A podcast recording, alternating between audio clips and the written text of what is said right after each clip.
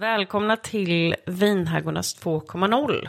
Den här podcasten handlar om de fina fasader som kyrkor gärna visar upp, sett ifrån en och flera avhoppares perspektiv. Det dricks vin i podden och det raljeras friskt så varmt. Välkomna till vansinnet.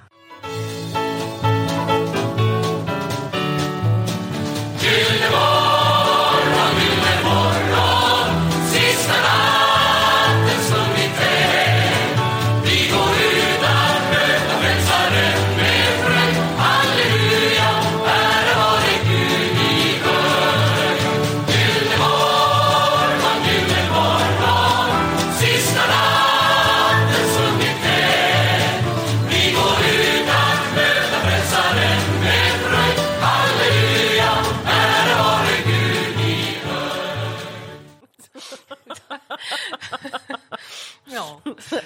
Mm.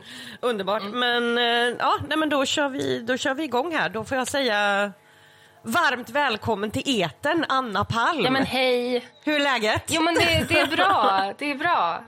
Ja, jag får väl börja med det vanliga. Ja. Hur har veckan varit? Hur har veckan varit? Eh, jo, men som sagt, höstlov. Mitt första liksom, avlönade höstlov Åh. som anställd lärare. Eh, Du är så värd det här. Ja, men jag är så lycklig. Och det fick också Ja. avslutas med att vi gjorde eh, ett framträdande i fredags. Då. Femmorna och jag har jobbat mot eh, att fira FN då. Vi hade liksom Mm. temavecka FN, pratade demokrati, mänskliga rättigheter, bla bla bla. Och så fick femmorna stå fram för hela skolan och ja, göra en show om det här. Och eh, de var Okej. så duktiga och det var så många som liksom verkligen så övervann sig själva, stod, höll i mick och gjorde saker. Ja, jag var så stolt över dem. Men gud vad fint. Ja, men jättevackert var det. Och sen så, ja, så, så fick jag kan du avsluta. hålla dig från att, från att börja gråta i sådana situationer? Det hade aldrig jag klarat. Jo, men jag blir så fokuserad. Jag satt ju också och spelade piano till dem. Så att det är ju så här, jag måste... Just det. Ja, så jag, jag går nog Ja, då väldigt mycket in i liksom work mode. och eh, ser till att få det där gjort. Och det är också då jag som liksom kompar och leder och håller ihop hela grejen. Så missar jag ett taktslag, då är alla off liksom. det är så här, Ja, det- Då börjar alla andra gråta istället. Ja, ja, nu börjar jag gråta och ingen annan. Nej. Jag, har ju, jag, alltså jag, jag kom ju aldrig riktigt ifrån den där grejen för jag vet att när jag var liten så hade jag ju tre paradnummer som jag alltid framförde Mm. så fort eh, det var gäster. Eh, och det var, det var en kyckling som hette Gullefjun Ja, och sen så sjöng jag Skomakar-Anton ja. och sen så avslutade jag med en visa trio med Pumba, Ann-Charlotte och Elinor. Men den kunde jag aldrig slutföra för att den var så sorglig. Nej. Så jag, jag började gråta i mitten av, av låten och sprang till mitt rum och sen var det ridå.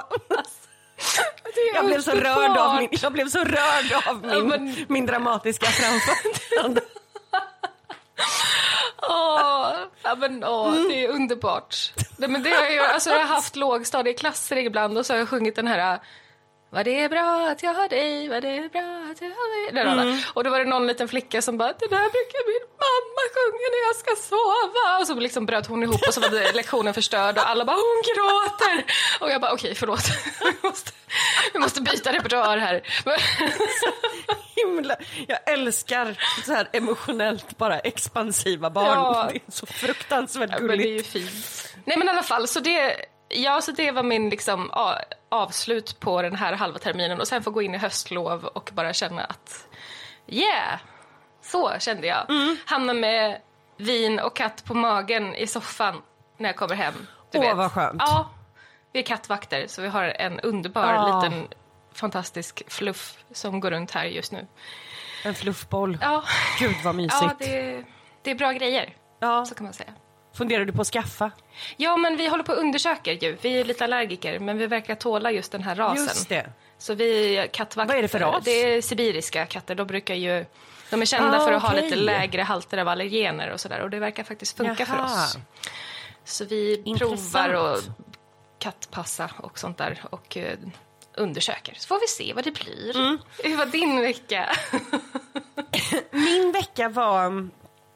Det har också varit eh, lite, lite jobbrelaterat eh, faktiskt. Därför att jag har ju... Jag har ju en tendens att häva ur mig grejer som jag tror är glasklara. Ja. Och sen så är det som att det kommer liksom några minuters obehagskänsla i kroppen. Och sen säger det pang i hjärnan. Och jag inser missförståndet jag har skapat. Jaha. Och får panik. Nej! Så att...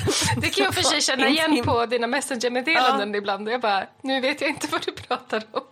Nej, precis. Det blir jättekonstigt, men alltså, helt logiskt i min hjärna. Jag, jag, jag, man tar det, känner jag. Det är ingen fara. Ja. man, man vänjer sig med tiden. Men då är, då är saken att jag satt, det här var när jag skulle göra i ordning förra avsnittet. Mm. Sätter mig, går till en lokal pub här i närheten. Vad sa du, sätter dig på... Sätter mig i en lokal pub här i Ja, närheten. ja, ja. Mm.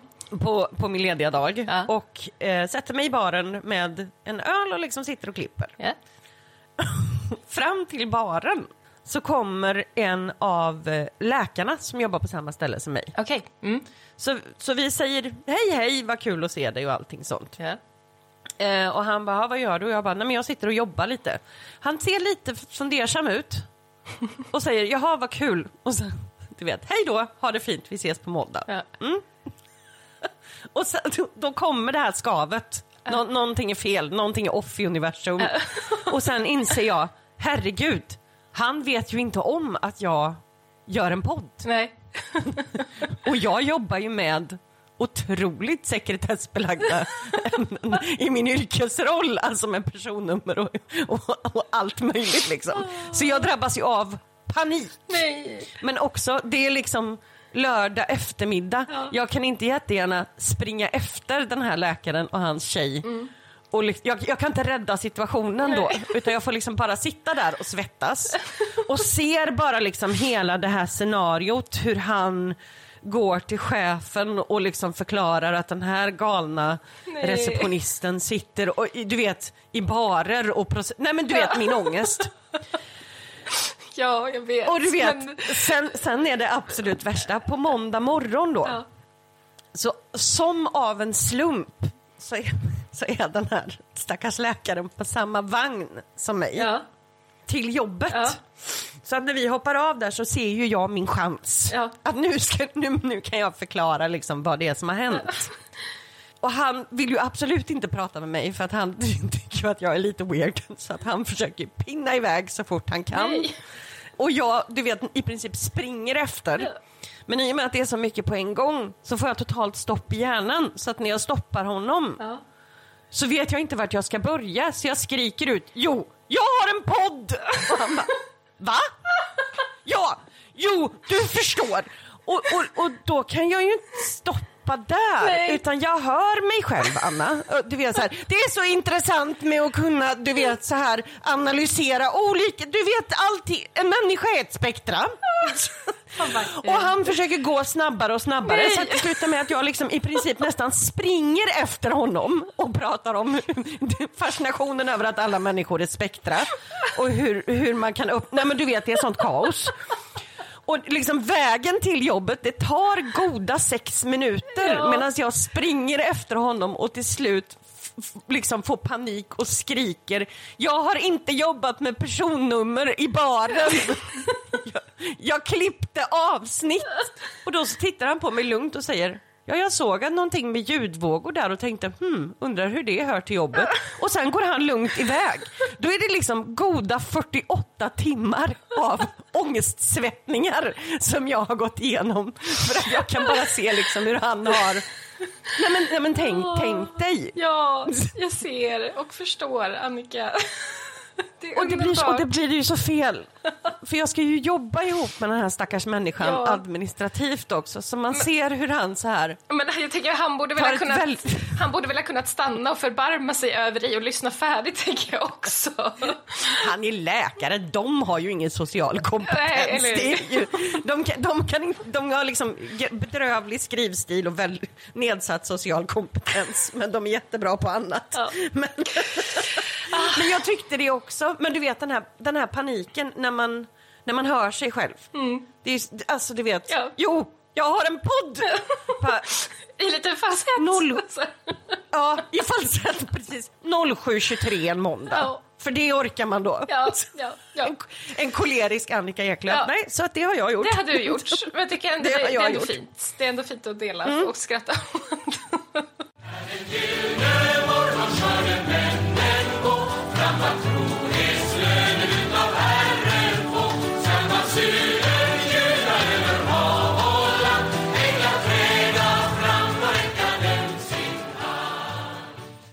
apropå på det ämnet, idag ska vi ju prata om psykisk ohälsa. Inte alls en liksom offshoot.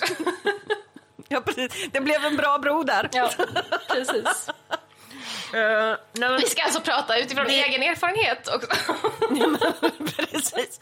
Nej, men vi, vi, ska, Ja. vi, vi kan ju säga det innan vi drar igång med den här Ja. eh, diskussionen och dagens ämne. Att vi är ju som sagt inte teologer eller terapeuter eller någonting utan vi kommer ju diskutera det här, eh, de här frågorna lite från egen erfarenhet och eh, från andras erfarenheter. Ja, Och när vi började prata om det här så tänkte vi att vi först skulle ha ett samtal där vi liksom jämför lite skillnaderna mellan frikyrkan som jag kommer ifrån och mormonkyrkan som du kommer ifrån. ja.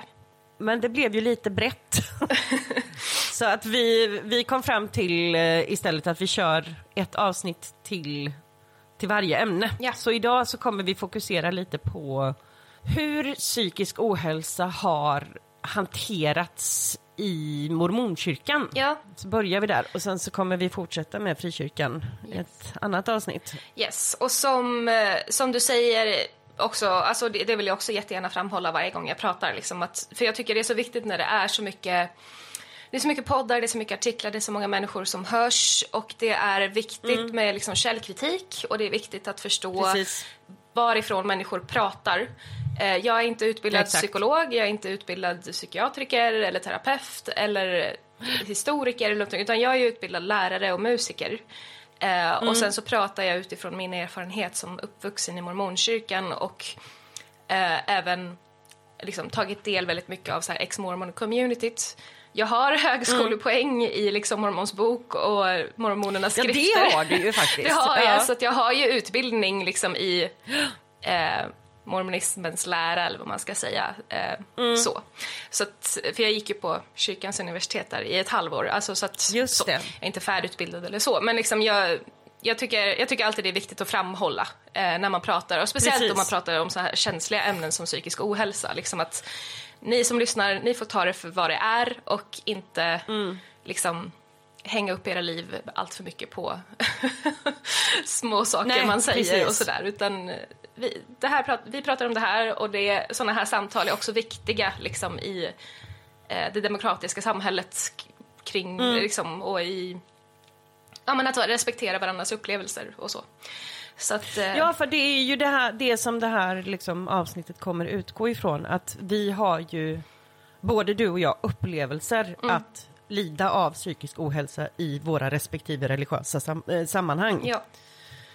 Och hur synen på det är eh, men, vä- väldigt olika faktiskt, Ja. måste man säga. Så vill, vill, du berätta, vill du berätta lite om eh, vad, vad, vad tänkte du när jag frågade dig om du kände för att vara med i det här samtalet? Mm.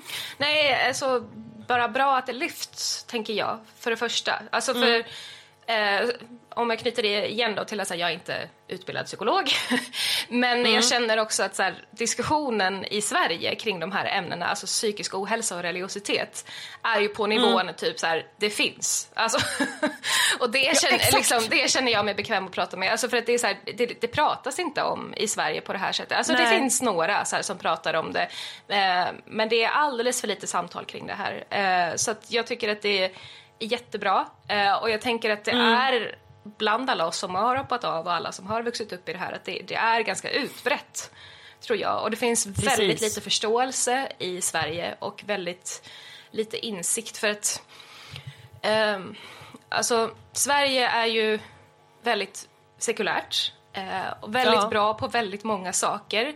Eh, Västeuropa och liksom västvärlden har ju under liksom de senaste vad är det, sju decennierna jobbat väldigt mycket med liksom, eh, sin tolerans. Eh, och det kommer ju Precis. sig av liksom, eh, andra världskriget när man i princip gasade ihjäl nästan ett helt folk på grund av att de hade Exakt. en viss kulturell tillhörighet och religion som man inte tyckte var rätt. Eh, och liksom i chocken efter det eh, så började man ju med liksom FNs arbete och EU och liksom mänskliga rättigheter och det ledde vidare till även barnkonventionen och liksom all, allt det här. Allt det här är ju liksom väldigt stora steg som vi som samhälle har tagit för att eh, vi ska bli toleranta mot varandras olikheter. Eh, och det har vi kommit ganska långt i. Det finns ju fortfarande absolut klickar i samhället och liksom eh, sånt där som inte är så toleranta. Och på senaste åren har vi väl också sett en tillbakagång lite grann i det här. Men generellt så är det ju väldigt viktigt i Sverige att vara tolerant gentemot olikheter. Och även det här med liksom, religionsfrihet är ju jättestort. Eh, och arbetas mycket med. Men med det så kommer det ett utrymme för religiösa grupper att få lite för mycket frihet. Eh, I min mening. Ja, Eh, och jag skulle ja. vilja tillägga en sån sak på det här med liksom, den här grejen att acceptera olikheter och allting sånt. Det är ju, det är ju väldigt, väldigt bra. Problemet är att i och med att Sverige är så sekulärt som det faktiskt är så är det, alltså, jag tror inte att, vad, vad ska man kalla den för, den homogena massan av människor förstår hur otroligt djupt religiösa en liten del av Sveriges befolkning faktiskt är. Jo, precis. Det blir ofta att det handlar i att man pratar om alltså rättrogna muslimer eller någonting sånt där. Men det, på, det pågår på väldigt, väldigt många håll i Sverige att faktiskt det är en otroligt eh, fundamentalistisk kristendom som, som presenteras. Ehm, du har också det överkarismatiska och det ehm, när det är ett så pass sekulärt land att just den här delen Ja men att en Det är inte naturligt, alltså det är inte, det är inte någonting man utgår ifrån att en människa är djupt troende Nej, i, i Sverige. precis. Och då blir det också att det glöms bort lite i, i sjukvården och allting sånt där. Ja, men precis. Eh, tror, tror jag. Jo men verkligen, jag och jag tror också att det finns, som du säger, alltså att det finns inte en förståelse för hur djupt religion kan påverka en människa. Och liksom, Precis. Speciellt kopplat till psykisk ohälsa, liksom, när man är djupt inne i tankar och känslor och liksom själens upplevelser på något sätt. Mm. Eh, religion har ju verkligen med det att göra. Och har man en religiös Precis. uppfattning och liksom handskas med psykisk ohälsa så är det ganska radikalt annorlunda mot en sekulär uppfattning. Eh, och det Mm. Oh ja. behövs liksom en medvetenhet kring det. Eh, så det liksom... Mm. Sen så får man ju Ja. säga också tidsandan tänker jag, så att vi, vi tar alla det här så att ingen kan komma och liksom köra upp någonting i näsborrarna på oss. Ja. Men tidsandan är ju också, det får man ju liksom komma ihåg att just de här bitarna med psyk, psykiatrin och liksom psykisk ohälsa och allting sånt, det har ju utvecklats enormt mycket eh, på väldigt kort tid. På ett sätt så kan man ju hoppas på att kyrkan följer samtiden i utveckling och eh, kunskapsinförskaffande. Men problemet är, vad händer när tiden går och kunskapen finns och breddar sig i samhället men eh, kyrkorna inte vill hänga med i det och sen tar ut det på sina medlemmar. Ja. Det är väl det som har drabbat många av oss, tänker jag. Mm. Precis. Men hur, jag måste, jag måste fråga lite för att det, det är ju i mormonkyrkan, Ja. vad, är, vad är den allmänna inställningen till just psykisk ohälsa? För att har jag fattat det rätt att mormonkyrkan inte är så den andliga striden fokuserad på demoner och änglar och sånt? Nej, absolut inte. Det var ingenting vi pratade om så. Det fanns, vi pratade om onda andar ehm, och goda andar eh, och hur man skulle Ja. liksom bjuda in rätt sorts andar. Men det var liksom det var inte, alltså när jag har er pratat om hur det var i frikyrkan så verkar det där ha varit väldigt mycket mer uppskruvat än vad det var hos oss. Ehm, Det var mera liksom någon slags känsla man skulle ha tillsammans. Eh, Mormonkyrkan är ju väldigt så här, likriktad. Alltså det är väldigt, varenda söndagsmöte är, följer exakt samma mall. Alla pratar på ganska ganska samma sätt. Man klär sig likadant, man liksom, det är väldigt stereotypt. Och med det så följer liksom en, en speciell, ja, vad ska jag säga? känsla, ande... Eh, inte, ja, de kallar det ju för att de känner anden när man kommer tillsammans. Jag ser det ju som idag, ja. liksom, att det är ett, ett kulturuttryck som skapar en viss samhörighet och en viss känsla bland människorna. Eh, Precis. Så. Jag måste få ställa en fråga där, mm. för då tänker jag lite att... För du har ju tidigare nämnt mm eh, mycket om det här liksom med familjen i mormonkyrkan, hur otroligt viktig den är, att du liksom ska ha den här lyckliga familjen och i och med att det är så likriktat, mm. då måste det vara alltså ett jättestort problem med minoritetsstress ja. i mormonkyrkan. Absolut. Nej, alltså för homosexualitet, hbtq-personer liksom finns ju inte enligt mormonkyrkans ledare. Eh, sen så är det absolut olika medlemmar som har sina egna uppfattningar om det där ändå, men liksom det, det är väldigt... Enligt kyrkans standard? Ja, alltså det ska ju vara den här lilla mm. 50-tals kärnfamiljdrömmen. Det, det, är idealet och det är Precis. det som alla ska in i, för det är där det är lyckligt och bra. så att det görs Men jag tänker väldigt... att i en sån miljö, då, då, då, då behöver det ju inte ens vara så pass stort att det handlar om hbtqi eller någonting sånt. Det, det borde ju räcka med att vara sån här, jag, hur gör man till exempel, hur mår man om man är mormon och inte vill ha barn? Jag tror inte att det finns riktigt, jag tror inte de äh, människorna är kvar i kyrkan. äh, det är liksom, barn är ju det enda sättet varpå en kvinna kan bli lycklig i princip. Det är typ, alltså så växte jag upp i alla fall. Alltså det fanns ju inte på ja. kartan att man liksom inte skulle skaffa barn. Det var ju liksom föröka er och uppfylla jorden. Det var ju liksom det livet ja. gick ut på, att man skulle bilda familj. Eh, Precis. En kärnfamilj då. Eh, sen så fanns det absolut de som skilde sig och hade bonuskonstellationer och sånt där, men, men det var, då var ju mm. det också liksom så här, ja ja, och ibland får man göra så. Eh, men ja, ja så precis. Att, Alltså, och, och i och med att det är så likriktat så faller det ju från människor som inte passar in. Så att de syns ja. ju inte och finns ju inte i kyrkan. Så att det är ju bara de som uppfyller den här mallen som stannar kvar och förstärker varandra i hur, hur bra den här livsstilen är på något sätt. Mm. så det finns ju liksom inte så mycket exponering gentemot andra livsstilar. Så, tyvärr.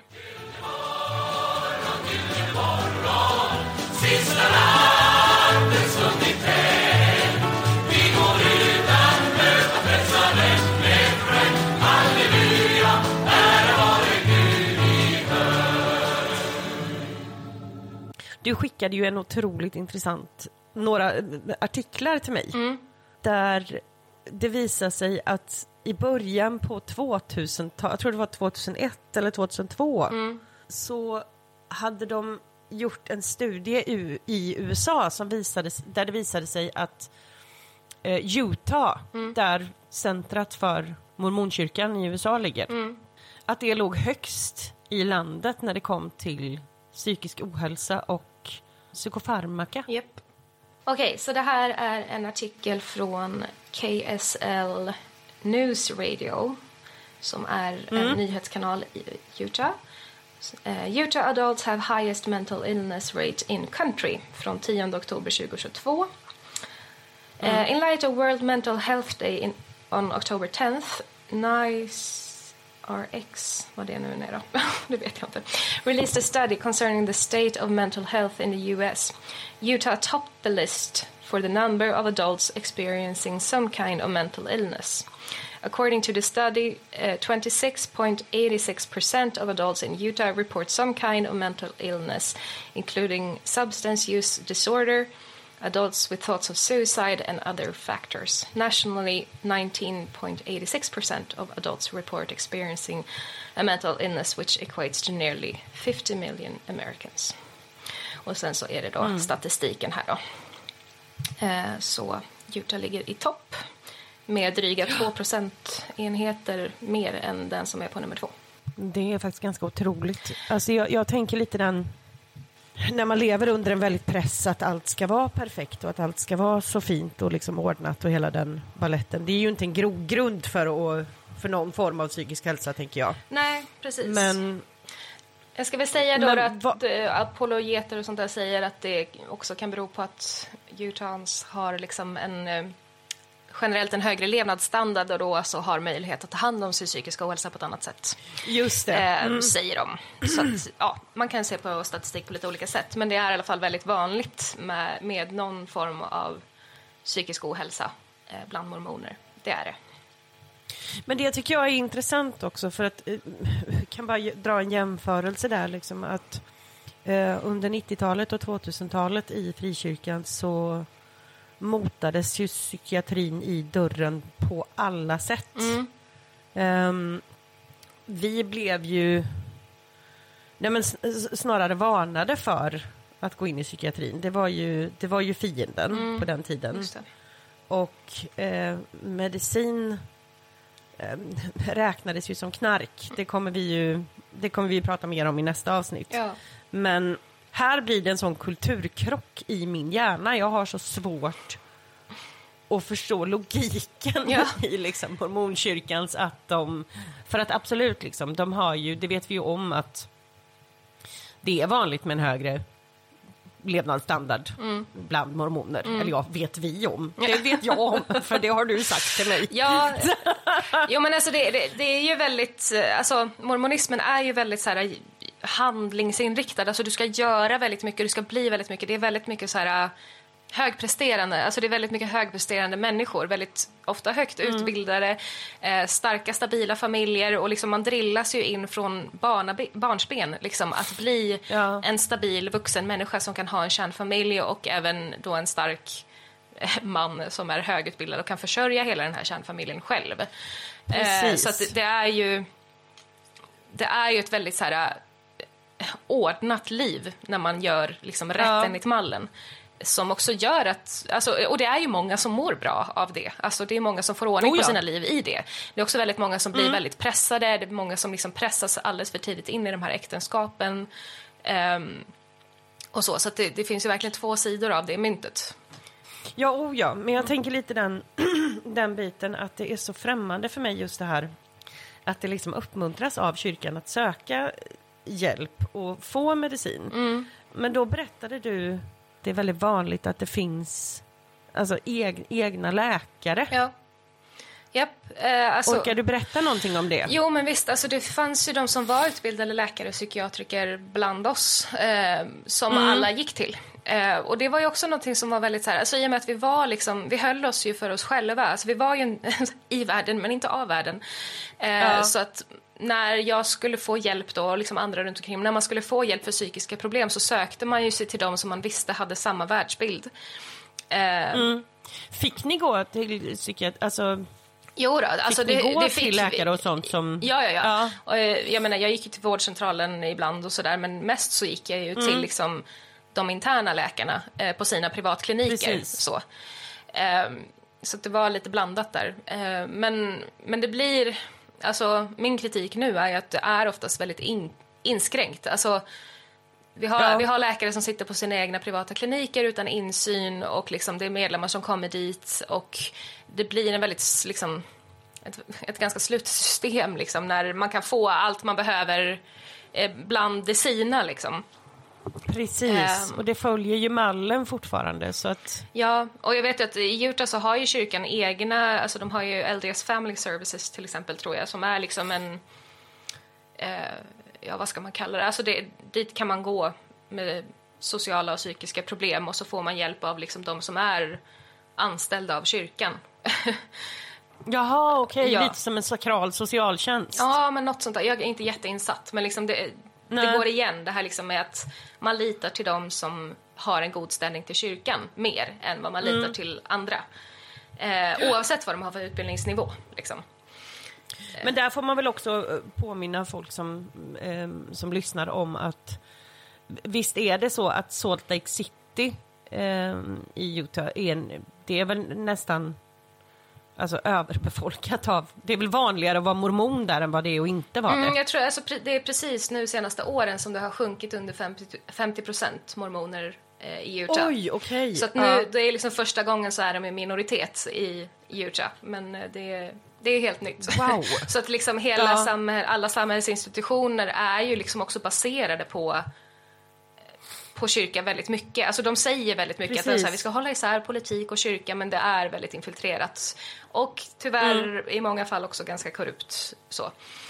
Ja. Eh, blir det ju. Så att, eh, ja. Det, men det är en egen diskussion. Om man då tittar på det här sättet att det verkar vara Nej, men att det verkar vara vanligt och accepterat inom mormonkyrkan att man faktiskt går till, ja, men till läkare när man har eh, problem och får medicin och sånt. Då tänker jag att det, ja, men att det kanske inte är lika stort stigma. Det låter ju lite som att det här är normaliserat. Och i sådana fall, stämmer det? Och i sådana fall, hur tar det sig i uttryck Ja, eh, bland mormoner? Jag tror att det kan vara ganska olika också beroende på vilken familj och kultur man har och sådär förstås. Eh, så jag kan inte säga att det som jag upplevde stämmer för alla som är mormoner och så. Men jag upplevde att det var... ehm, alltså man är väldigt tight med varandra. Man är ju liksom, alltså speciellt här i Sverige där det är så få mormoner och alla känner alla. Alltså det är som en egen liten Precis. by utspridd över hela Skandinavien där liksom alla känner varandra, det är familjer som har känt varandra i liksom tre generationer. Eh, alla är gifta med varandra också. Alltså är här, Alla är släkt liksom. Eh, så, så att det, och då, då är man så tajta och man liksom man ses så mycket, man gör så mycket tillsammans och man är också i det här liksom inte ett utanförskap skulle jag väl inte säga, men man har liksom ett parallellt liv bredvid samhället på något sätt. Eh, Där man, ja, man har det här kyrklivet. Eh, och förhåller sig liksom med en viss distans till världen utanför. Även om man jobbar och liksom pluggar och gör så saker. Man gör saker ute i världen men sen är det ju liksom i kyrkan som man har sin sociala gemenskap och sin liksom ehm, ja, sitt gäng. så, Ja. så upplevde Ja, jag men det i alla sitt, fall. sitt, ja, precis. Eh, och jag upplevde liksom att man i det här också var väldigt gränslös med varandra på ett sätt. Alltså jag har haft ganska svårt så här, när jag hoppat av att förstå vad som är liksom privat och vad som är personligt och vad som är Ja. vad jag ska dela med vem och sådär. För att det har varit väldigt så här, Vad som är brukligt. Ja, men typ, Ja. för det har varit Ja. bara så här, man delar allt med varandra och man gråter tillsammans och man har de här eh, vittnesbördsmötena som det heter, alltså att man går upp på i talarstolen på söndagen. Var, varje faste söndag som det heter, som är första söndagen i varje månad, så har man ett eh, faste och vittnesbördsmöte. Så att alla fastar, man har inte ätit på 24 timmar ifall man gör rätt. Jag orkade aldrig det. Men Bra man mår då. ja, eh, så att alla är hungriga och så ska man liksom sitta på ett kyrkmöte i en, en och en halv timme. Eh, och sen ska man, Ja. så är det så här open mic så man får gå upp och berätta något som har hänt och hur man har känt Guds närvaro i det och alla gråter och kramar om varandra och liksom är väldigt så här filterlösa. I också Det det här hungriga emotionellt kladdigt. Ja, och i det här hungriga tillståndet också. Eh, så att, och jag, liksom, jag gjorde det där jättemycket, att jag var uppe för församlingen och berättade liksom, om saker som hade hänt i mitt liv och när jag kände Gud, Guds närvaro och när jag hade fått bönesvar Mm. som jag upplevde. Och liksom, man gör det här väldigt mycket med varandra. Eh, så man är väldigt, eller jag var väldigt filterlös. Eh, och i det så finns det väl Ja. också så en, en, ja, att man inte Alltså Sverige är ju väldigt så här, privat. Man, man delar ju inte vad som helst med vem som helst Nej. generellt. så, ja, ehm, Nej men faktiskt. Ja. Så att, och sen så kommer man liksom, när man mår dåligt, när man hoppar av, så kommer jag till liksom, psykiatrin, så här, vårdcentralen och liksom ska gå i terapi och man sitter och pratar och man liksom fortsätter på det här filterlösa och är runt och gräver i själens djupaste vrår och liksom eh, har inte koll på Liksom, men man har eh, inte riktigt koll på sin egen styrka heller. Alltså man har inte riktigt koll på vad det är man kan hålla ihop i sig själv. Alltså, så här, Ja. ja. jag kan gråta över någonting men, men det är okej. Alltså, det är så här, jag ska inte gråta sönder mig själv tills Gud kommer och räddar mig eller församlingsmedlemmarna eller min man då, som ska vara starkare än mig. Eller liksom, alltså att man, är, Precis. man blir så skolad i ett sätt att förhålla sig till sitt känsloliv som inte blir... För mig blev det inte sunt. Så för mig har det liksom det sunda eller tillfrisknandet har varit att liksom sluta gräva, sluta dela med mig, sluta gå i terapi nästan. Alltså ibland har jag behövt göra det. Men liksom att, att så här, bli lite mer medveten om vad jag kan hantera. alltså, i mig själv. För att Ja, jag li- är en lite på... um, fungerande människa. Lite, Precis. Ja, men jag tänker li, lite det här, um, för att säga det på, på varje språk, men, dra ut huvudet ur sin egen röv på något sätt. Alltså att man, nej, men, nej men just den biten att det är så, för jag, jag tänker lite det att man, man blir ju också så, för det du säger om det här med vittnesbörd, Ja. det pågår ju i frikyrkan hela tiden och där, Ja. där är det mer eh, Alltså det här med att alla gråter och allting sånt. Det är vanligt om det är i till exempel såna här perioder när de hävdar att det är, en, det är Guds ande sveper över Sverige och det kommer med det ena, den ena välsignelsen efter den andra och bla bla bla. En liten parentes. Ja. Apropå så här gränslösa människor, det är ju någonting som... Jag är ju så allergisk mot det. Att, alltså jag, jag, jag kan känna den energin på liksom 100 meters håll. När någon är gränslös. Nu- nu- och, Ja, när, när någon har liksom det här, alltså vill komma innanför allting hela tiden. Ehm, klistrig kallar jag dem för. ja. Eh, Och, alltså, och får, ja, jag, ja, får jag dela bara? Nej, alltså för att jag stod och väntade på tvärbanan någon gång för Ja. några, några månader sedan. Och liksom så är det en man, 45-50 någonstans, som står och pratar i mobilen. Eh, och så Mm. pratar han med någon och jag liksom hör, alltså jag bara, det här måste vara någon från frikyrkan eller någonting för att han pratar liksom med någon om någons personliga problem och liksom kommer med så här Precis. förmaningar.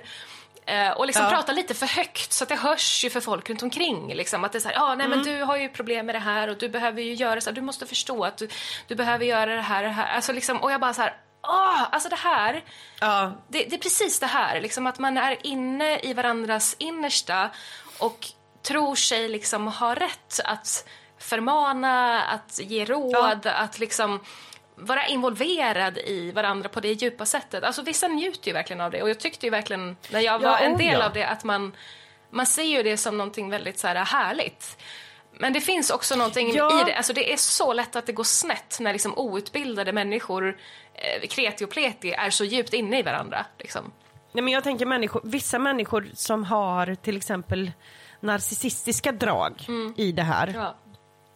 De har, då får, de det här blir ju en plattform också. Och de utnyttjar ju det på det sättet att, ja men, du, de ska alltid berätta för en hur man är. Ja, Och det får jag krupp på. ja. Du fungerar så här och du är ju så här. Och du har ju missuppfattat allting. Och du tycker så här. Vet du vad, Håll, ge fan i mig. ja. Ja, det är det, är det Stopp. absolut värsta jag vet. För vi hade ju en sån... eh, Stopp min själ eller något. Ja, precis. Stopp, min kropp. Ja, fast i mitt, stopp. Stopp mitt inre. Ja. Stopp mina inälvor. Inte dina Nej, men att alltså, vara fingrar på. Ja. Ja, nej, nej men alltså det är... Man bara, ge fan i min bukspottkörtel, gå och titta på din egen. Eh. nej men det blir lite den grejen för att ofta de här de njuter ju liksom, de vill ju gärna ha en viss typ av människor Ja. som de ska liksom dra till sig då. Och är det äldre män så förvånansvärt ofta så verkar flera av dem ha en specifik kallelse välsignad av Gud att liksom uh, vara gränslös med, med unga tjejer. Ja. Och märkligt nog, eh, det är otroligt specifik kallelse för det är märkligt nog eh, väl, uteslutande väldigt snygga unga tonårstjejer med ett BMI under 25. Ja. Det, är en, det är en otroligt specifik kallelse Ja. som Det, det är viktigt som att vissa de män- är där. Liksom. Ja. Mm. Precis. Eh, nej, men, nej men alltså just den här gränslösa grejen liksom i kombination med alltså att människor ska hålla på och dela allt, det blir ju väldigt konstigt. Det blir ju också väldigt speciellt. Det drar ju till sig också människor som faktiskt inte är friska på riktigt. Jag hade också en sån där möte på, på vagnen för ett tag sedan. Det, är liksom, det kommer på någon, någon liten tanta och jag vet inte, jag är ju som en Batman, alltså det, jag- det, jag måste vara som en Batman-lykta på de här människorna för att de kommer liksom alltid fram. Eh, hon ser mig och närmar sig liksom lite, hon flyttar närmare mig för alltså ju längre vagnen går. Och sen så väntar hon liksom på att någon, personen som sitter bredvid mig ska gå av, sätter sig bredvid. Och jag känner liksom det här hur kontaktsökande hon är. Och får ju, har ju panik. och så kommer vi liksom, jag tror det var vid, vid Kungsportsplatsen. Så vänder hon sig mot mig och så är hon och så pekar på vattnet och bara, det är fint. Ja, det, det är fint. Mm. Jag hade en vän, förstår du, i tonåren som, ja det han, han dränkte sig här. Ja, men det- Jaha, ja. ja, då var vi igång. Mm. Och du vet, jag försöker liksom förtvivlat titta på telefonen, men då sträcker hon sig över och försöker titta på vad jag liksom gör på telefonen. Så man Men- bara, jag har två hållplatser till, det är bara att, det är bara att bita ihop. Ja. Och sen så vänder hon sig om och bara, jo du förstår, jag har ju blivit diagnostiserad med väldigt svår depression. Man bara, you don't say. Ja, you don't say. Och drar en lång harang om hur jobbigt det har varit och hur taskiga de är på jobbet bara för att hon råkade ta av sig tröjan och jobba under sommartid. Det var varmt! Eh, Så har hon, hon fått, liksom, fått sparken. Det brukar ju bli så om man blir psykotisk och, Ja. och strippar på jobbet. Att, Ja. att det är liksom frowned upon. Jo. Men du vet, det är just fortfarande den här grejen. Jag får... Jag, av, jag avskyr det verkligen från djupet av mitt hjärta. Jag avskyr när människor ska liksom... Det, det, det är nästan som... Eh, det känns som ett övergrepp när de hoppar på en och ska liksom dela information som man inte har bett om. Ja. Och nu är ju det här ett extremfall, men det är, det är fortfarande lite... Man märker att många människor, förutom de som är då uppenbarligen tillhör psykiatrin, så det är lite någonting som går igen i beteendet hos många hyperreligiösa också. Alltså att, man har, att det är så normalt att det alltid finns någon som lägger ner allting för att lyssna på just dig och dina problem. Att de inte förstår att folk har nog med sitt. När den gyllne morgon de avsomnade träda fram ur gravarna att Herren se Jubelrop och sång ska fylla himmelen ty de kära evigt mötas får igen Men hur, alltså när du kom ur liksom mormonkyrkan Japp. och hade det här beteendet och skaffade nya vänner, Mm. var det någon som påpekade det här Nej, för dig någon jag gång? är Att det här så, är... jag är så hyperkänslig med alla känslospröt utåt själv så att jag märkte ju själv Ja. vilka konstiga situationer nej. jag hamnade i när jag var så här öppen. Eh, Och det har jag ju sagt flera gånger också att jag har ju flera så här cringe moments från mina första år som avhoppare. Ja. Och det är liksom dels såna här saker att jag var alldeles för öppen för att jag var ju van vid det. Alltså det var ju så man gjorde och visade förtroende för varandra och liksom eh, ja. Sen är jag en ganska öppen person. Jag menar, det är därför jag sitter här och pratar i massa poddar och håller på. Men ändå så att lära sig liksom när det passar och inte så. Det, det har varit en resa. Eh, så. Och sen så har jag Ja, men verkligen. andra cringe moments också. Men eh, nej, men så att det, det är något som jag har kämpat med en del. Att liksom eh, ja, men inte ha den här sekteristiska närheten till kreti och pleti. Liksom. Utan att, Precis. Och det, det handlar ju lite så här om integritet också, så här, självbestämmande. Alltså att jag är här i mitt eget liv på något sätt. Jag behöver inte lägga ut den makten hos vem som helst. För, för det är också så här, jag tror att när du pratar om narcissister, alltså det är ju ofta narcissister som har format de här grupperna. Och de Precis. tjänar ju på att ha ett sånt klimat när de får reda på alla hemligheter. Så då har det liksom Ja. blivit kultur i de här grupperna att man är så öppen med varandra för att man ska ha, ge ut den här makten över sig själv till andra på något sätt. Mm. Så att absolut vara förtrogen med varandra och dela saker. Det kan ju ge en ett rikare liv också, men det finns, man behöver lära sig den här avvägningen när det är sunt och när det inte längre är sunt. Liksom. Tänker jag. Precis, när det faktiskt... Ja, för att det, det, man får ju tänka på att... Jag tror väl att om man aldrig har haft erfarenhet av det här och lyssnar på det, ehm, då kan det nog låta ganska... Ja, men jag tänker lite gött om man går igenom svåra perioder, att fatta vad skönt att ha ett helt community som liksom bara lyssnar på en och ja, men på något sätt bär en igenom det. Ja. Och som vill, liksom, ja, men som vill gråta med en och allting sånt. Mm. Och, och, absolut, det, det, finns väl säkert fördelar med det men man får komma ihåg också att det där, det där vänds ju också Jag skulle precis emot säga det. den. Ja, alltså för att det var ju så, när jag då började få tvivel då, Mm. eller började lämna kyrkan och hade samma öppenhet, då var det ju liksom, då vände ju alla, alltså då tvärvände ju alla. Ja. Eh, och bara så här... eh, Ja, nej men alltså, och, och det, det är någonting som jag har, som har varit så traumatiskt, liksom att man har de här otroligt nära relationerna, men när jag börjar byta världsåskådning, då, är, då vänder alla ryggen bara. Precis. Eh, så det, det är verkligen tveeggat på något sätt. Vad skulle du säga är, som sagt, Mm. inte, inte teolog, inte terapeut, inte, utan vad är din personliga erfarenhet i mormonkyrkan blir det vanligaste uttrycket för psykisk, psykisk ohälsa? Du, du nämnde ju det förut med depressioner Ja. Och sånt. Men finns det andra grejer som är väldigt vanliga? Eh, ja, alltså jag tror ju att det är väl ett tvärsnitt av befolkningen generellt så det, liksom, det finns alla möjliga olika slags diagnoser även bland mormoner. Ehm, Oh ja. Sen är ju någonting som jag har eh, läst på lite grann om på senaste är någonting de kallar i USA för scrupulosity. Just det. Eh, de, de kallar scrupulosity alltså en undertyp av OCD eh, som har liksom religiösa, religiösa eller moraliskt motiverade eh, obsessions, vad betyder det då? Tvång. Ja.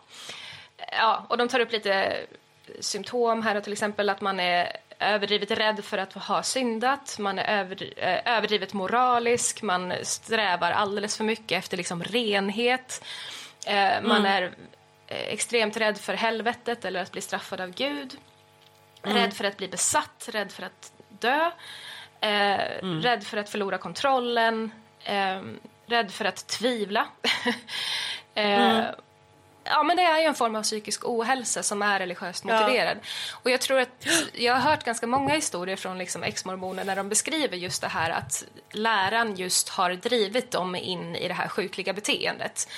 Eh, just för att mormonismen är så handlingsinriktad. Alltså du ska läsa skrifterna varje dag, du ska be, du ska gå till kyrkan, du ska göra ditt tempelarbete, du ska betala det tionde, du ska ehm, vara ett vittne för alla runt omkring dig och även det här alltså att du ska åka på mission i ett och ett halvt eller två år, vilket är liksom bootcamp i mormonism, verkligen. Eh, Ja. Som har puttat många över kanten in i psykisk ohälsa. Eh, att man liksom, man blir så eh, drillad i det här extremt religiöst noggranna livet så att det liksom, man tappar balansen helt enkelt och far in i, i psykisk ohälsa. Ehm, Ja, precis. Alltså det, blir, det blir ju lite den grejen. Jag tycker att det är intressant med den, den skillnaden. Att det är ju så... Det är ju så mycket mer... ehm, det är ju en rigorös extern checklista Ja. som en mormon verkar ha. Ja, jo verkligen. Eh, alltså mycket, mycket grejer att hålla reda på. Ja, Ehm, och precis, och då är, det ju, då är det ju väldigt, väldigt lätt. Har man då tendenser åt tvångsbeteende, det är ju någonting som ofta brukar visa sig ganska tidigt i livet. Alltså, jag tror väl att de, många barn har väl gått igenom de här perioderna med metallisk obalans. Tog man på en bil så var man tvungen att ta på den med andra handen eller såna här grejer som barn har för sig. Men inte för gå, vissa på, så går eh, det ju... inte gå på skarvarna på gatan, eh, såna där saker. precis. Äta lika många färger av alla Ehm. M&M godisar och... Ja, men precis. Om du, om du nuddar den här lilla liksom, kanten på trottoaren med ena foten så måste du nudda med andra. För annars kommer det en demon och tar en. Ja. så vanliga saker som barn tänker på. Ja. ja. Nej men jag menar det att just det här med metallisk obalans och liksom de här bitarna, det, det är ju, det kan ju också vara faser som man går igenom som barn och sen inte upplever igen som, som vuxen. Men personer som tenderar åt det hållet, det kan ju lätt ta sig uttryck, jag tänker Ja men jag tänker hygienfobi eller ätstörningar eller allting som liksom är såna här repetitiva grejer för att dämpa sin ångest. Det får man ju säga också. Jag tänker att ett sånt här inrutat liv som det verkar vara inom mormonismen. Det finns det säkert människor eh, som frodas Ja. i. Jag tror att aut autister eh, stortrivs i mormonkyrkan. Ja, stortrivs, Ja, precis. verkligen. Är det lite annorlunda där så kan ju de här delarna också leda till extrema tvångsbeteenden, tänker jag. Ja, det kan ju verkligen det. Um, jag kan väl liksom, alltså utifrån när jag minns tillbaka hur det var när jag var yngre och sådär. Det var ju folk som, alltså jag hade en vän som hamnade i psykos till exempel. Jag hade, eller två tror jag. Ehm, och sådana där saker. Och det, det var alltid, det var, det liksom, man hanterade väl ändå ganska Alltså bland oss så var det ju liksom att så här, ja men det var hysch hysch och man tog hand om det. De vuxna gick väl in där. Men sen så är jag väl lite undrande ibland av vilken professionell hjälp de här ungdomarna faktiskt fick. Det är jag inte riktigt säker på, men det har jag inte riktigt insyn i heller.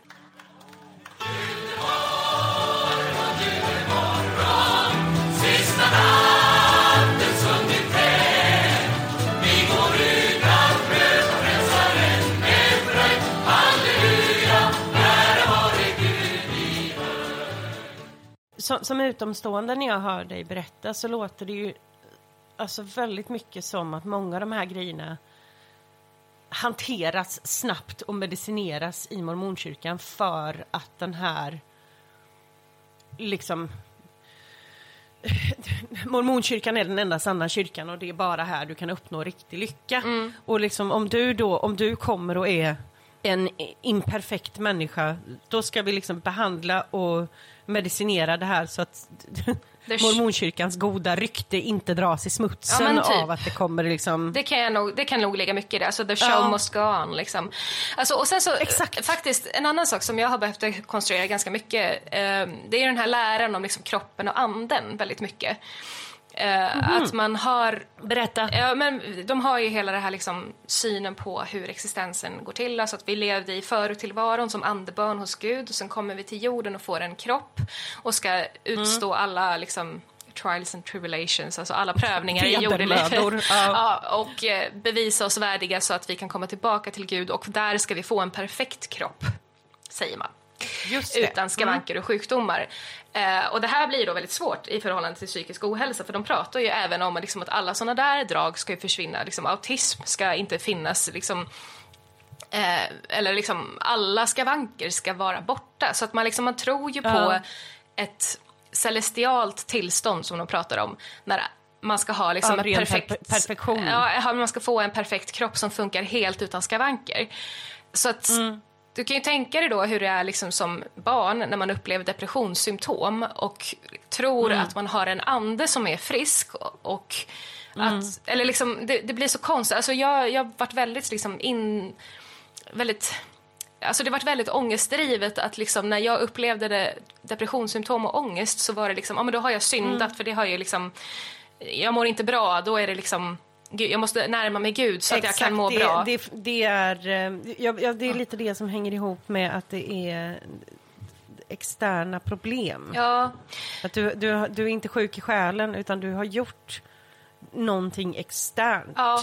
fel som orsakar att, för att man har knutit ihop ångest och depression med eh, syndanöd, att man, går Ja. i, att man gör fel mot kyrkan och Gud. Ja, precis. Och när du känner liksom av ett dåligt samvete då är det liksom den heliga anden som försöker pra- tala om Ja. för dig att du har gjort något fel så att du ska kunna ställa dig till rätta och närma dig Gud.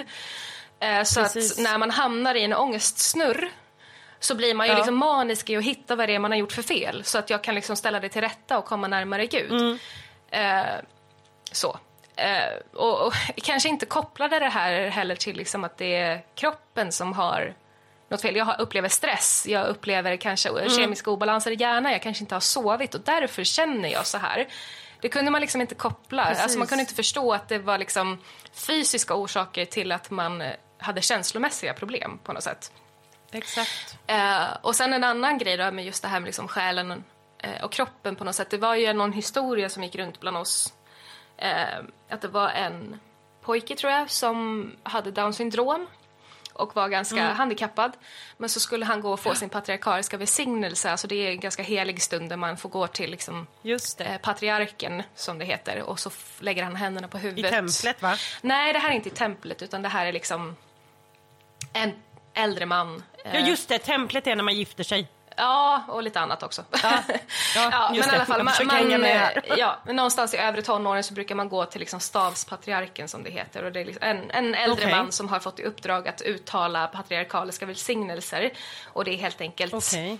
eh, det är som en eh, man får som helig skrift för sitt eget liv sägs det. Alltså det är Guds ord till dig, en profetia Okej. om ditt liv. Eh, Jaha, och det är en väldigt, okej. ganska helig och stor grej att göra när man liksom börjar bli Ja. vuxen. Eh, så.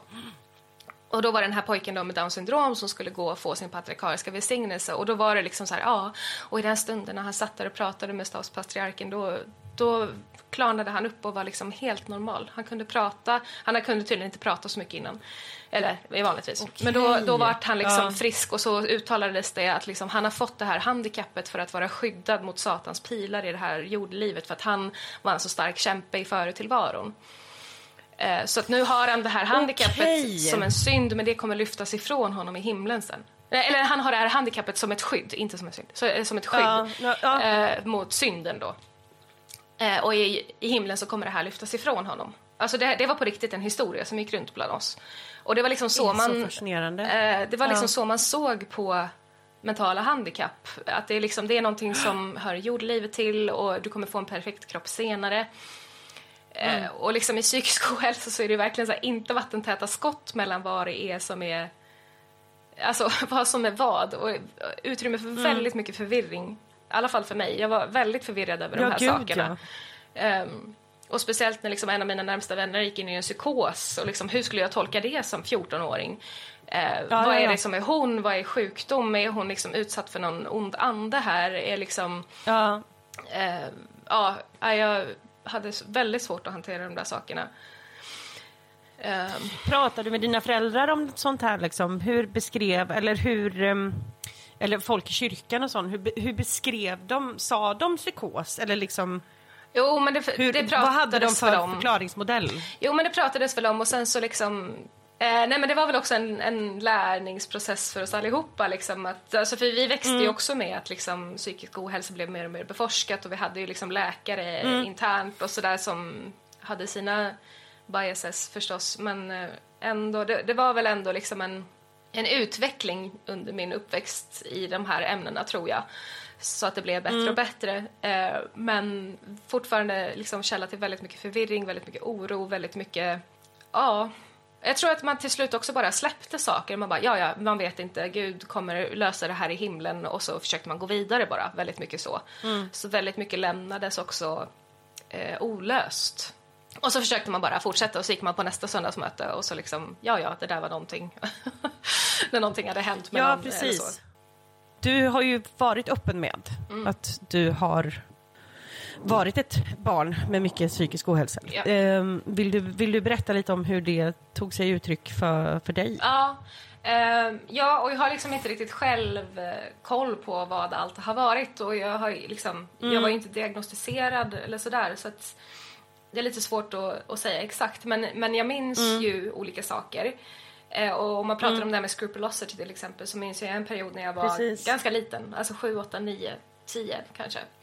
Eh, när jag fastnade väldigt mycket i att göra rätt. Liksom. Eh, och jag Okej. eh, eh, verkligen hade liksom tvång, tvångstankar och tvångsbeteenden. Inte sådär att jag behövde liksom öppna kranen visst antal gånger, tända och släcka lampor, tvätta händer. Alltså inga sådana saker utan det var mer knutet till liksom att göra rätt. Eh, så att jag kunde liksom eh, i trean minns jag, alltså vad är man då, åtta, nio så Precis. hade jag någon period när jag liksom gick och tänkte tillbaka på allt jag hade gjort liksom ettan och tvåan. och Ja. gick och bad om ursäkt till alla mina klasskamrater för liksom någonting jag hade sagt för liksom två år sedan och ingen kom ihåg de här sakerna. Eh, men jag sa, ah, jag, Nej, jag bara, minns du det där? De bara, nej. Jag bara, ah, nej men jag vill bara säga förlåt för det liksom. Och, eh, mina bröder retade mig och kallade mig tack och förlåt Anna för att jag eh, Liksom, Ja. Jag var tvungen att säga tack för allting, jag var tvungen att säga förlåt för allting som blev fel. Eh, jag hade också jag liksom fastnade i väldigt stark ångest så jag hade väldigt svårt att prata i vissa sammanhang och liksom var väldigt inbunden i mig själv och jag kan se liksom på fotografier från den här perioden att jag var, är väldigt obekväm i mitt eget skinn. Liksom, att jag är väldigt så här, spänd och orolig. Liksom. Eh, så att, Det har vi ju pratat om tidigare privat, du och jag, det här med selektiv mutism. Ja, Ehm, precis. också. Det finns, Att- precis, att- det är ju en att- diagnos Ja. att barn kan fastna i att inte kunna prata i vissa sammanhang. Och jag vet inte om det var Mm. det jag hade, men liksom, jag kan känna igen det. Alltså som ett ångestsymptom är det ju då, liksom, att man Mm. eh, fryser liksom, och går in i det här eh, freeze mode, liksom, fight or flight och Precis. freeze. Eh, att man fastnar i en dissociativ eh, ett dissociativt tillstånd när man inte har full kontakt med sig själv eller liksom blir av med vissa förmågor. Ja, precis. Eh, Klassiskt traumasymptom. ja, precis. Och, ja, och jag vet inte allting som ledde fram till att det blev så här för mig, men jag hade en sån period och det tog, alltså, i och med att jag också hade den här religiösa, väldigt religiösa eh, tolkningen på världen och religiösa livet och gick till kyrkan varje söndag när man pratade med, liksom, om det här hela tiden. Så här ska du göra, så här ska du leva, det här är rätt, det här är fel. Så blev ju det liksom ett sätt för min ångest att få utrymme. Eh, så. Och jag tror väl att, alltså det, det där är så himla viktigt att prata om för att jag tror att Alltså tittar man på ett religiöst liv och alla de här religiösa levnadsreglerna så ska man göra allting rätt, ja men då är man ju en sån där person som lever med scrupulosity, liksom, som har Oh ja. maniska tvångssymptom. Eller liksom, det är ju de som gör allting som man ska. Alltså, så att Ja, det idea- Exakt, det är de, precis. Ja, så, så den ideala religiösa människan är ju inte frisk, som jag ser det. Nej, Alltså, nej, nej, nej, jag håller det är ju 100% med dig. Ja, det är ju de som liksom tvivlar lite, som mår dåligt över sig själva. Alltså det är ju det är ju de som är friska egentligen mentalt. Mm. Men de är ju, lever ju inte helt religiöst rätt ofta. Alltså, Nej. så att nej, nej. det, man måste verkligen kolla igenom sina liksom, religiösa uppfattningar och bara så här, vad, är, vad är det som är sunt i det här? Är det sunt att liksom eh, be 14 gånger om dagen? Är det sunt att ge 10% av din inkomst när du inte har råd att köpa mat till dina egna barn? Är det sunt liksom att ehm, ha ett så förlåtande eh, liksom, hjärta så att du bjuder in vilka förövare som helst i ditt liv. Liksom. Eller att du... Alltså, vad, vad blir ett bra resultat i ditt liv? Liksom, vilka principer i det religiösa är liksom sunda att leva efter? För att jag, Precis. alltså generellt så är det ju sällan sunt att leva efter alla religiösa regler man kan komma på. Alltså, Man behöver ju nästan ha det här skroppla hoppla som jag inte kan uttala, scrupulosity. du kan inte alla det. Ja, precis. Man säger det snabbt. Eh, för att klara av att att leva rätt. Ja. Och, och det där är, jag är ju, jag kan, jag kan tänka lite det ibland att jag tror att hade jag haft en annan personlighet så hade jag kanske, jag vet inte, b- bara gjort om min tro lite och fortsatt att liksom vara med. Men i och med att jag är väldigt så här, fast står det så så då ska det vara så. Ja. Ehm, så. Så går det inte. Det är inte förenligt med Ett sunt liv. mitt välmående liksom. Nej. Ett sunt liv. Ehm, Jag har ju sett någon sån där graf också som någon ritade upp där, liksom how hard you believed and how hard you deconstruct och så är det så här eh, rätt förhållande mellan dem. Vad man säger, alltså så här rak linje. Att det är ju oftast vi som var väldigt noggranna och som gjorde, tog allting på allvar och gjorde allting och trodde rätt Och gjorde liksom allting rätt. ändrade. Ja. Jag upplevde ju att jag blev liksom så manipulerad att jag, jag ändrade mitt känsloliv till och med. Alltså jag, blev, jag var en annan person som kände och tänkte och tyckte enligt den här äh, mallen. Eh, Så att jag, jag gjorde mig själv till den här ideala mormonmedlemmen. Liksom. Eh, och det är ju vi som gjorde det som också sen Ja. måste dekonstruera allt det här. Alltså det, det är ju vi som, som rör oss i de här forumen, forumen som liksom pratar i poddar, som skriver böcker. Alltså det är ju vi som, som gjorde allting som rätt. var så rätt. Ja, Eh, exakt. Och för att Ja, och så de som kan ta lite mer med en klackspark och ta lite mjukare på det hela, det är Mm. de som liksom faktiskt förmår att vara kvar. För att det inte... Ja, precis. Det gör inte lika ont för dem, tror jag. Nej, därför att jag tror att det här är ju liksom människor som kanske är lite sådär Ja men du vet, jag tänkte att ja, ja, det här är någonting som jag tror på men alltså, man, måste, man måste ju leva också Ja. och ha ett, ha ett vanligt liv. Det måste man inte alls, tänkte jag. Nej, nej, alltså, och jag, Jag har ju blivit ganska chockad så här, när vi har pratat med andra avhoppare som, inte, som kanske har Mm. hoppat av tidigare i sina liv och inte har tyckt att det har varit så problematiskt och sådär. Att de så här, ja men alla låg ju runt liksom. Jag bara, va? Absolut inte. jag bara, vad, inte vi. Vadå? Så här, jag hade aldrig något att erkänna liksom. Nej. Eh, ja.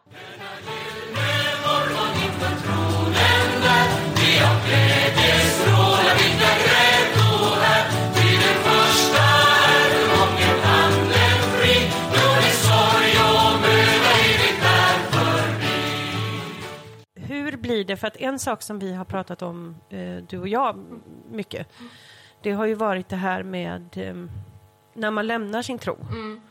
Då skylls det ju alltid på psykisk ohälsa och det ena med det tredje. Det är ju Ja. väldigt vanligt i frikyrkan. Japp.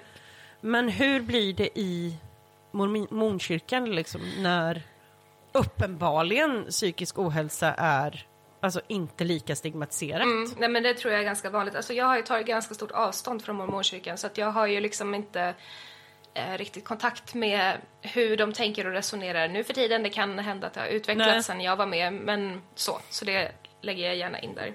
Men eh, jag, alltså i min uppväxt och så, så var det ju verkligen ett narrativ kring så här, ja men det, den personen har ju alltid haft problem med sig själv och ja, nej men det är ju aldrig fel på kyrkan när någon lämnar.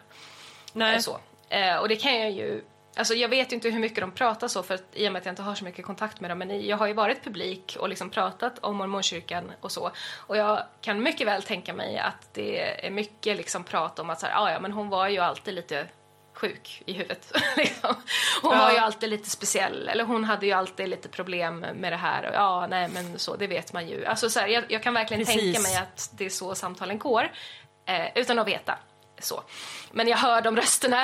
Jag, ja, men jag hör ju de rösterna i mig själv för att jag är liksom upplärd i det Ja. sättet att tänka om de som har hoppat av. Så, så ja. Precis. Mm. I och med att eh, mormonkyrkan är en sån eh, maskin. Skulle det kunna vara så att mormonkyrkan har tänkt det steget längre redan från början, att man inte stigmatiserar psykisk ohälsa och liksom att det uppmuntras att söka behandling och medicinering så att när en person sen lämnar så kan man, då har man bevis på att ja, fast det här har inte med kyrkan att göra. Kolla den här personen har sökt hjälp för det här och det här. Oj, ja. Eller är jag för konspiratorisk nu? Jag vet inte. Alltså, jag tycker det här är jättesvårt att veta. Eh, Alltså för att det är så många medlemmar och det är en sån liksom ingrodd kultur. Så att jag tror... Alltså jag tror inte att det... jag, jag vet faktiskt inte hur konspiratoriskt det är. Vissa saker tror Nej. jag kan vara det från ledarnas håll och vissa saker är bara kulturen. Liksom. Precis. Men ja. Nej men alltså jag kan tycka att det är så svårt att förhålla... Jag tänker ju att det hade ju varit en smart idé annars. Ja, jo. Det hade ju, det hade ju varit eh, lite, lite briljant i sådana fall. jo, visst. Men alltså Ja. jag kan bli så störd på det här för att det är liksom... Ja, nej men att kyrkor liksom eh, beskyller ju ofta oss avhoppare för liksom att vara psykiskt labila på olika sätt. Ja. Samtidigt som man står och säger att det här är enda vägen för alla människor Ja. att uppleva lycka i all Precis. evighet. Och jag blir så här, Ja. vad är det för påstående ni claimar? Alltså att ni, att ni håller i nyckeln och vägen till lycka för alla människor i all evighet. Eh, när det är liksom statistik på det finns statistik på att liksom över hälften av alla människor någon gång under livet upplever psykisk ohälsa. Alltså det är jättevanligt. Och sen när man upplever psykisk ohälsa i kyrkan så tar man liksom inte höjd för det utan nej då är det fel på mig. Och hoppar jag av på grund av det här då är det så här, ja men du är bara en hysteriker som bara var psykiskt sjuk i alla fall. Precis. Eh, Exakt. så, och, jag- och jag Och bara, du, du, du, kan, du, kan inte, du kan inte ta till dig den sanna läran så Nej. att du kan leva lycklig alla dina Ja, dagar. nej, men det är bara, en "Men vad är det jag har prövning, det är en prövning för Så, dig ja. att du inte kunde förstå den här enda sanna vägen. Och jag bara, bara så här, alltså, jag pratar ju ofta om skolans värld eftersom jag är utbildad lärare och jobbar som lärare nu. Och jag bara tänker så här, okej, alltså det kanske inte är helt rättvis jämförelse men ändå bara så här, för att sätta lite i perspektiv. Vi har alltså en apparat, skolan, som deras eh, ambition är att alla barn i Sverige ska få en nioårig grundutbildning. Så. Eh, alla barn i Sverige har rätt till det. Precis. Då har man ju liksom, för det första så har man liksom utbildade ämneslärare i alla ämnen förhoppningsvis, det lyckas inte alla skolor alltid med, men liksom, det är femåriga utbildningar och lärarlegitimation av, av liksom Skolverket. Sen har man liksom elevhälsoteam, skolsyster, skolläkare, kurator, skolpsykolog. Man har speciallärarteam för de som har särskilda svårigheter med liksom speciallärare, specialpedagoger. Det finns särskola. Eh, det finns skolledning och sen utanför det har man också socialtjänst, BUP, polisen. Alltså det är så här, det är en Jajamän. otrolig apparat för att få liksom alla barn genom en nioårig grundutbildning. Oh ja. Och ändå så lyckas man inte alltid. Eh, och sen kommer då en kyrka och säger så här, vi är vägen för alla. Och inte bara en nioårig grundutbildning, utan Nej. alla ska få evinnerlig lycka i all evighet. Och vi, är liksom, vi har den enda sanna vägen till det. Och sen så bara Mm. mobbar man ut alla som på något sätt avviker. Och vi som liksom Ja. verkligen tog skada, bara, ja ah, men du var bara psykiskt sjuk i alla fall. alltså, Ja, det ska ursäktas. Alltså det, det är så himla roligt. Alltså just att de kom, för det som faktiskt händer om man, om man tar ett, ett steg tillbaka det är ju att de erbjuder en homogen lösning eh, på ett individualistiskt problem. ja. Och liksom vad är, För vi är ju ens- olika. Vad är, Vad är det för osanning ni kommer farandes med? ja, men- liksom? Det här är ju... Ja. Men också just den här grejen att man inte kan vinna. Mm. Att, och det är också det som är så himla frustrerande och, och som kommer vi prata mer i nästa avsnitt, men just det här att man känner sig så himla utlämnad för att man har varit på hemgruppssamtal, man har suttit i själavård, Mm. man har liksom blivit uppmuntrad att sluta med mediciner och det ena med det tredje och sen så när då alltså, man, inte, man in- inser att vet du vad, jag mår piss på grund av min situation, min tro. Och att man lämnar. Och att det då är ja, men, att man kanske faktiskt börjar må bättre. Ja.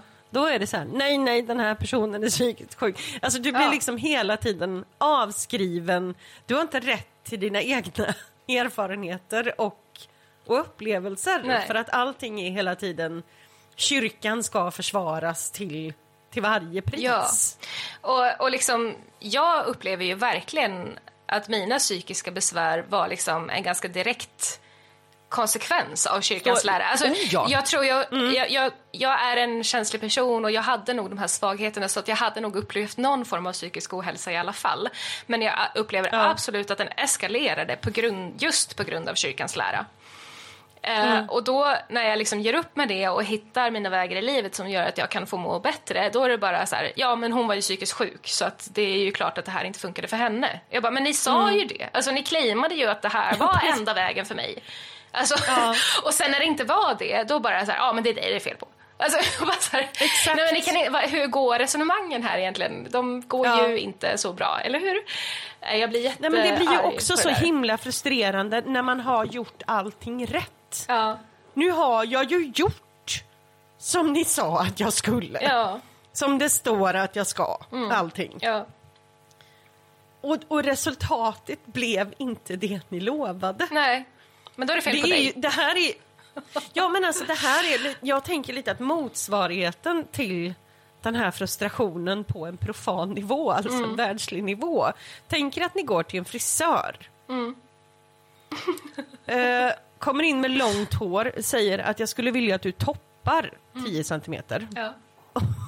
Och den här frisören liksom säger att nu, nu ska du lita på mig och, och jag ska liksom göra allting för att du ska bli ditt allra snyggaste jag och du vet jag har de här utbildningen och liksom du kom och så gör jag det här liksom gratis och så kommer du komma ut och vara vackrare än vad du någonsin har varit i hela ditt liv. Vi leker med den idén. Och så kommer du in där med ditt långa hår och så tar den här frisören och faktiskt klipper in, inte på ett snyggt sätt heller utan vanställer dig i princip. Och sen så ska du försöka, och du har suttit där liksom och pratat med den här frisören om du vet ditten och datten och livet och det ena med det tredje och kanske varit lite förtrolig, jag vet inte.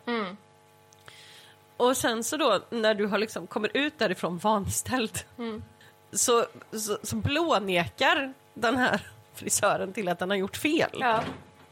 Och hela liksom frisörsalongen kommer in och säger att eh, ja nej men alltså det var det, det, här är, in- det här är inte frisörens fel utan du har sån fruktansvärt hård kvalitet och ja, Ja. är man ful i ansiktet vet du då kommer det fram så att vi kan ju inte riktigt hjälpa att du blev Nej. ful Nej. av det. Men, är Alltså- du med lite på hur jag tänker? Ja, alltså, ja. Det blir lite samma sak. Ingen bryr sig väl så jättemycket om frisyrer så att de engagerar sig i ditt, din fråga. Jag vet inte, det kanske är väldigt. Nej, men det, men, det jag ändå tänker lite, lite att lite bra paralleller. Nej men alltså för det, ja, alltså igen, som lärare liksom, jag är ju utbildad för att möta liksom, elever med alla de olika behoven liksom. Alltså en del är dyslexi, Mm. en del är autism, en del är liksom traumatiserade, en dels pappa gick bort förra året, en dels liksom, Ja. alltså, och jag ska ändå stå där och lära dem om skalor och ackord. Och liksom, jag, Ja. Vi pratar ju hela tiden om hur når vi varje barn. Så här, vissa behöver Mm. det skriftligt, vissa behöver det muntligt, vissa behöver liksom få uppleva någonting. Kan vi göra såna här uppgifter? Kan vi samverka med SO-lärare? Alltså det, är så här, det är en jätteapparat Precis. för att nå fram till varje barn. Eh, och, liksom, och som, som kyrka då, liksom, och bara stå där och bara ha en undervisning och bara, ja, det här är vägen för alla. Alltså det är så här, ja, och sen så har man liksom inte ens forskning eller stöd för ens lära. Att det liksom, är det, Nej, nej, nej. blir alla lyckliga ifall de struntar i kaffe? Så här, är det på riktigt Ja. en sann princip? Nej, det är ju inte det. Forskningen har ju kommit fram till det är motsatsen. inte Eh, Så det, Ja, det är så här, vad, vad är det för himla ploj-grejer ni håller på med? Alltså sluta bara, Ja. känner jag. Jag tycker att det är så himla, det är så oetiskt att liksom claima det det här o- platsen i människors liv. Det är liksom, man, man får exakt. inte och det är. Mm. ovärdigt också. Nej. Alltså just, just, den, just den biten att det liksom... Det är självklart. Ja. Det det är samma sak som att säga att alltså, en kost funkar för alla. Nej, det gör det inte. Mm. Nej. Det finns ingen homogen lösning på individualistiska problem. Nej, precis. Man kan presentera det som det här är ett alternativ men inte claima att det här är liksom den enda sanna vägen. Nej. Och om du då... Du kan heller inte lägga det på människor. Att du, du har sagt att det här är enda sanna vägen, följ det här och du blir lycklig. Mm. Så gör man exakt det som man blir tillsagd, blir inte lycklig. Mm. Men då är det inte fel på läraren, då är det fel på dig. Ja. Nej, det är, Det är- det- bedrövligt.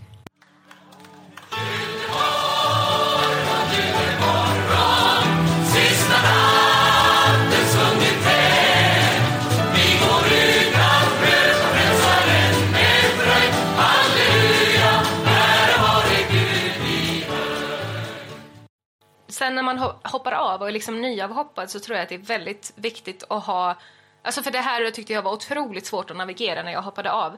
Det är liksom Mm. att du har ju fått andliga förklaringar på varför du mår som du gör. Eh, så att du, du tror att liksom när du syndar eller gör fel så drabbas du av ångest till exempel. Eh, och till viss del. Exakt. kan det ju vara så. Ibland har man ju liksom ångesttriggande saker som man har råkat göra och så har råkat bli fel någonstans och så får man liksom försöka ställa det till rätta. Men liksom när man har en andlig dimension på det hela, att det liksom, du har råkat synda i andesfären på något sätt Ja. och därför eh, straffar andemakterna dig på olika sätt. Eh, och när Mm. man liksom kommer från ett sånt synsätt och hoppar av och är liksom i en dekonstruktionsprocess eh, det är så viktigt att man får stöd där, att förstå hur psykisk Ja. hälsa funkar. Att det liksom, det är inte, för att du tvivlar nu, det är, liksom, det är inte Mm. därför du, du mår inte dåligt för att du syndar mot anden, utan du mår dåligt därför att du är, det är liksom skakar under fötterna på dig och du håller på att byta ut hela din världsbild. Det är därför du mår dåligt, det är därför du kanske blir deprimerad, får Mm. ångest och sådär. Eh, Du, du syndar inte nu, Eh, bara Nej, för att du dekonstruerar. Eh, och jag tror att det där är så viktigt. Det där är ju verkligen någonting som liksom psykiatrin eh, i Sverige behöver ha koll på när de hjälper Ja, de, avhoppare. de behöver... Verkligen, för de behöver förstå också att det, det som människor som aldrig har liksom varit i alltså, så djupt troende, det som de inte fattar, det är, de tittar ju på det och bara men du lever ju ett bra liv, du är ju vänlig, du gör, vad är det du menar på att du har gjort fel? Men de missar, ju den, de missar ju den biten att som så liksom maniskt religiös, då är det ju det här eh, du syndar i tanken. Ja. Om du ens tänker en tanke som är fel. Mm. För då, då kommer vi ju upp i det här liksom helt bizarra med att de ska berätta för, liksom undervisa 12-13-åringar om synd. Mm. Och kan stå och prata om, alltså likställa m- mord och brott Ja, med att du har liksom fantiserat om att hångla med bänkgrannen. alltså, du vet. Ja. Lite- Nej men alltså Just i, det här. i mormonismen så är ju liksom sexuell synd är next to murder, säger de. Alltså det synden efter Oj. mord är att vara liksom, eh, ja, att ligga med Otuktig. någon utanför äktenskapet. Precis. Ja. Vad, vad, hur tror du det ställer till i tonåringars hjärnor liksom? Nej men det, det är ju helt vansinne. Alltså, då blir, man, då blir man ju... Jag kan tänka att man också blir överlag så för alla liksom som är djupt troende och inne i det här tänket liksom, så är ju stressen ofta väldigt stor att bli gift.